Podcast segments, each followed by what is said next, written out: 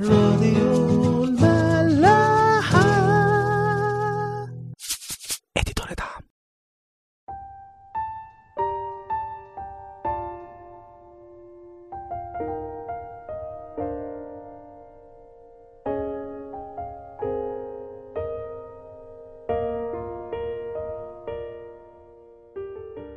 مساء الخير واهلا بيكم في حلقة جديدة من عيش وملح.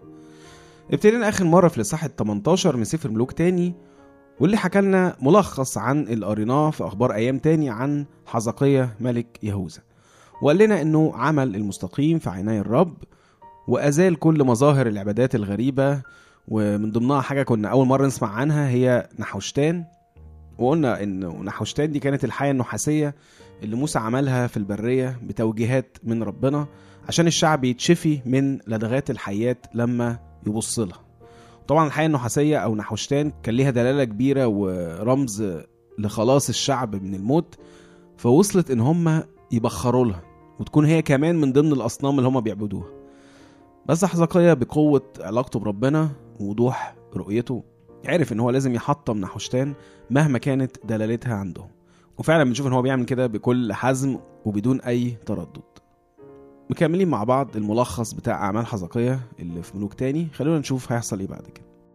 إدي دنيا ضخم سفر ملوك تاني الصح ال 18 من أول عدد خمسة. على الرب إله إسرائيل اتكل وبعده لم يكن مثله في جميع ملوك يهوذا ولا في الذين كانوا قبله. ده الكلام ده على حزقية وطبعا لم يكن مثله في جميع ملوك يهوذا. نفتكر إن هو ده ملوك يهوذا مش ملوك إسرائيل عامة. لأن ملوك يهوذا بيبتدوا من بعد سليمان فالمقارنة دي ما كانتش بداود وسليمان إنما بكل اللي جم بعديهم. والتصق بالرب ولم يحد عنه بل حفظ وصاياه التي أمر بها الرب موسى. وكان الرب معه وحيثما كان يخرج كان ينجح. وعصى على ملك أشور ولم يتعبد له زي ما ابوه أحاز عمل. هو ضرب الفلسطينيين إلى غزة وتخومها من برج النواطير إلى المدينة المحصنة وفي السنة الرابعة الملك حزقية وهي السنة السابعة لهوشع ابن أيلة ملك إسرائيل صعد شلمن آسر ملك أشور على السامرة وحاصرها وأخذوها في نهاية ثلاث سنين. ففي السنة السادسة الحزقية وهي السنة التاسعة لهوشع ملك إسرائيل أخذت السامرة. وسبى ملك أشور إسرائيل إلى أشور ووضعهم في حلح وخبور نهر جوزان وفي مدن مادي.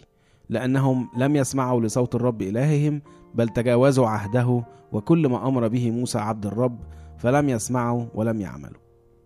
يذكر لنا تاني قصة أسر شعب مملكة إسرائيل بالكامل في عهد الملك المقابل لحزقية في مملكة إسرائيل هو هوشع ابن عيلة. وكنا حكينا في كلامنا عن حزقية في أخبار أيام تاني عن دعوته لشعب مملكة يهوذا وشعب مملكة إسرائيل إن هم يسيبوا كل العبادات الغريبة ويعبدوا ربنا في الهيكل ويحتفلوا بالعيد مع بعض في أورشليم. خلونا نفتكر مع بعض برضو قال لهم إيه؟ هنلاقيها في أخبار أيام تاني صح 30 أعداد 6 ل 10 فذهب السعاة أو زي الرسل يعني بالرسائل من يد الملك ورؤسائه في جميع إسرائيل ويهوذا. وحسب وصية الملك كانوا يقولون يا بني إسرائيل ارجعوا إلى الرب إله إبراهيم وإسحاق وإسرائيل فيرجع إلى الناجين الباقين لكم من يد ملوك أشور. ولا تكونوا كآبائكم وكإخواتكم الذين خانوا الرب إله آبائهم فجعلهم دهشة كما أنتم ترون. زي ما كنا حاكين برضو إنه السبي ما جاش مرة واحدة إنما على جزئين. في الأول أشور سابوا شوية مدن في شمال مملكة إسرائيل وبعدين زي ما شفنا بقى كملوا على الباقي. فحزقية كان بيحذرهم إن اللي حصل لهم ده هيحصل لكم أنتوا كمان. نكمل. الآن لا تصلبوا رقابكم كآبائكم.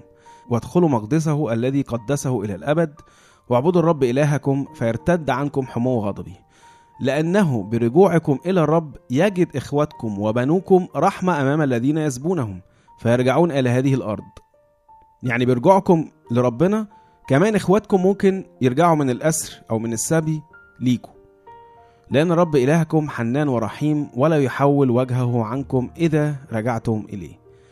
ونشوف بقى رد فعل شعب مملكة إسرائيل عليهم يقول فكان السعاة يعبرون من مدينة إلى مدينة في أرض إبراهيم ومنسى حتى زبولون فكانوا يضحكون عليهم ويهزؤون بهم. شعب مملكة إسرائيل ما سمعوش لحزقية إنما اتكبروا عليه واستهزأوا بالدعوة بتاعته. فبدل ما برجوعهم لربنا يكونوا سبب إن إخواتهم اللي اتسابوا يرجعوا لهم لا هم كمان بيتسبوا ويحصلوهم في اشور وبنلاحظ هنا بقى حاجة يمكن كتير ممكن مش بنستوعبها. إن رحمة ربنا آه ملهاش حدود بس حياتنا إحنا ليها حدود. فبالتالي رحمة ربنا مشروطة باستغلالنا إحنا ليها. يعني أي حاجة مهما كانت إحنا بنعملها رحمة ربنا أكبر منها بكتير. بس رحمة ربنا مشروطة بتوبتنا إحنا عن الحاجة أو الحياة اللي إحنا عايشينها دي. زي ما في عدد تسعة حزقية بيقول كده بوضوح. لأن الرب إلهكم حنان ورحيم لا يحاول وجهه عنكم إذا رجعتم إليه. في شرط. تبقى الرحمة الغير محدودة بخطيتنا مشروطة بتوبتنا ورجوعنا لربنا. فبالتالي العكس. لو ما رجعناش مش هنشوف رحمته الغير محدودة دي لأنه حياتنا إحنا محدودة. ففرصتنا في استغلال الرحمة اللانهائية دي برضه محدودة. ده بقى كله بياخدنا لموضوع تاني هنستغرب له أكتر. هو انتظارنا إحنا لخلاص ربنا. وكيفية انتظارنا ده يعني إيه؟ يعني كلنا أو يعني معظمنا يمكن ناس كتير مننا بنتعرض للشر أو لظلم. وقاعدين ليل نهار نصلي إن ربنا يخلصنا من الشر ده. ونقول يا رب إمتى هتيجي وتقضي على الشر وعلى الشرير وعلى الظلم وعلى الظالم؟ وبننسى تماما إن إحنا ممكن نكون بندعي على روحنا لأن إحنا نفسنا مش عايشين لربنا عايشين في الخطية أو في الشر وبنقاوم عمل ربنا في حياتنا زي بالظبط اللي إحنا بندعي عليه ده. وبنلاقي الرابطة اللي يعني الظريفة دي بولس عاملها في رسالته لأهل روميا صح التاني أعداد واحد ل 11 يقول كده لذلك أنت بلا عذر أيها الإنسان كل من يدين لأنك فيما تدين غيرك تحكم على نفسك لأنك أنت الذي تدين تفعل تلك الأمور بعينها ونحن نعلم أن دينونة الله هي حسب الحق على الذين يفعلون مثل هذه. أفتظن هذا أيها الإنسان الذي تدين الذين يفعلون مثل هذه؟ وأنت تفعلها أنك تنجو من دينونة الله؟ أنت فاكر يعني لو أنت بتدين حد على حاجة وأنت نفسك بتعملها هو هياخد دينونة وأنت لأ؟ أكيد لأ. ويكمل. أم تستهين بغنى لطفه وإمهاله وطول أناته ده كل الصبر ده علينا إحنا الاتنين. على أساس إن أنا مظلوم يعني هو ظالم. فهو ربنا صبر علينا إحنا الاتنين. غير عالم أن لطف الله اللي هو صبر ربنا ده إنما يقتادك إلى التوبة. يعني مش ربنا سايبنا عشان يذلنا أو نسينا أو بيختبر إيماننا مثلا إنما عشان إحنا كمان نتوب. بس إحنا ما بنشوفش كده. يقول لنا ولكنك من أجل قساوتك وقلبك غير التائب قلبك غير التائب يعني قلبك اللي مش مستعد إن يشوف إنه في مشكلة وإن هو محتاج يرجع لربنا فهو أصلا مش جاهز للتوبة. تفخر يعني بتحوش لنفسك غضبا في يوم الغضب واستعلان دينونة الله العادلة الذي سيجازي كل واحد حسب أعماله.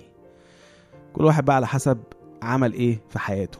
أما الذين بصبر في العمل الصالح يطلبون المجد والكرامة والبقاء فبالحياة الأبدية وأما الذين هم من أهل التحزب ولا يطوعون للحق بل يطوعون للإثم فسخط وغضب شدة وضيق على كل نفس إنسان يفعل الشر. اليهودي اولا ثم اليوناني. ممكن نشيل يهودي واليوناني دي نقول المسيحي اولا ثم أي حد تاني أنت شايفه ما عرفش ربنا وما عرفش المسيح. وطبعا العكس. هو مجد وكرامة وسلام لكل من يفعل الصلاح. اليهودي اولا ثم اليوناني. لأن ليس عند الله محاباة. ما عندوش خيار وفقوس يعني. يعني من الآخر كده لازم نعرف إن كلنا عايشين في غنى لطف ربنا وإمهاله وطول أناته. مش بس اللي إحنا شايفين إنه بيظلمنا أو بيأذينا أو حتى بيعسرنا لأ كلنا. وعشان كده بولس بيفكرنا إنه الصبر على خلاص ربنا ده ليه شكل. مش هقول أنا صابر ومستني ربنا يخلصني من القرف اللي أنا فيه وعمال أنا نفسي أظلم اللي حواليا تحت أي مسمى أو بأي حجة. لأنه اللي بيحصل إيه؟ بقول بيني وبين نفسي إن ربنا نسيني. واتاخر عليا أو مش جاي. طيب لحد ما يجي بقى أنا هعيش حياتي بالشكل ده لأني مظلوم. فمن حقي إني أعمل كده في الناس. حتى لو مش بنفس الشكل اللي أنا شايف إن أنا اتظلمت بيه ممكن بشكل تاني. وغالبا بيبقى بشكل أوحش كمان. فمش بس بعمل زي اللي اتعمل فيا لأ أوحش منه. في متى 24 المسيح بيحذرنا من الموقف ده بالذات؟ يقول لنا كده في أعداد 42 ل 51 اسهروا اذا لأنكم لا تعلمون في أي ساعة يأتي ربكم. السهروا ده طبعا بمعنى إن إحنا نبقى صاحيين. ركزوا يعني. ركزوا في حياتكم وفي الحاجة اللي بتعملوها كل يوم. عشان ممكن قوي تبقوا نايمين على روحكم وأنتم مش حاسين. واعلموا هذا. أنه لو عرف رب البيت في أي هزيعة يأتي السارق لسهر ولم يدع بيته ينقب. لذلك كونوا أنتم أيضا مستعدين. لأنه في ساعة لا تظنون يأتي ابن الإنسان. وإحنا في وسط العيشة بقى اللي إحنا مقضيينها فيها دي ومستنيين نخلص من الهم اللي إحنا فيه. المسيح هيجي لنا يقول لنا أنتوا بتعملوا إيه بقى دلوقتي؟ ويشوف مدى أمانتنا ناحيته. يقول كده فمن هو العبد الأمين الحكيم الذي أقامه سيده على خدمه ليعطيهم الطعام في حينه؟ طوبى لذلك العبد الذي إذا جاء سيده يجده يفعل هكذا.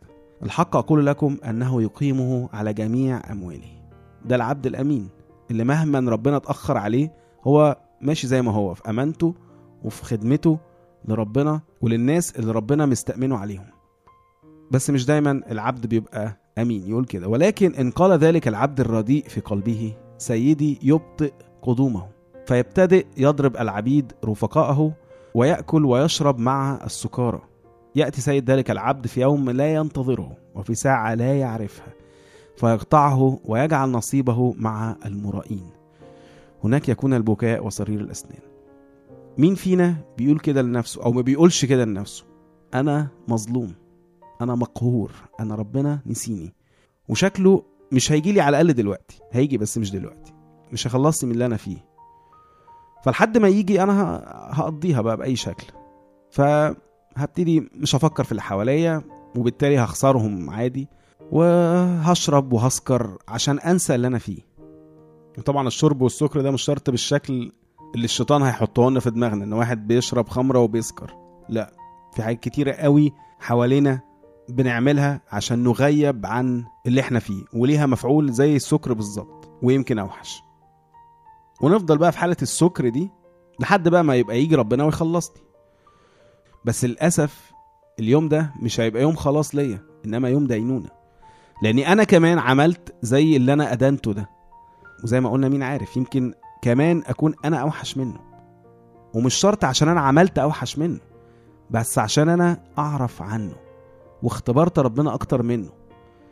فنلاقي نفس المثل ده في لقا 12 بس مكتوب كده بقى بعديه في أعداد 47 و 48 وأما ذلك العبد الذي يعلم إرادة سيده ولا يستعد ولا يفعل بحسب إرادته فيضرب كثيرا جزاؤه أكبر.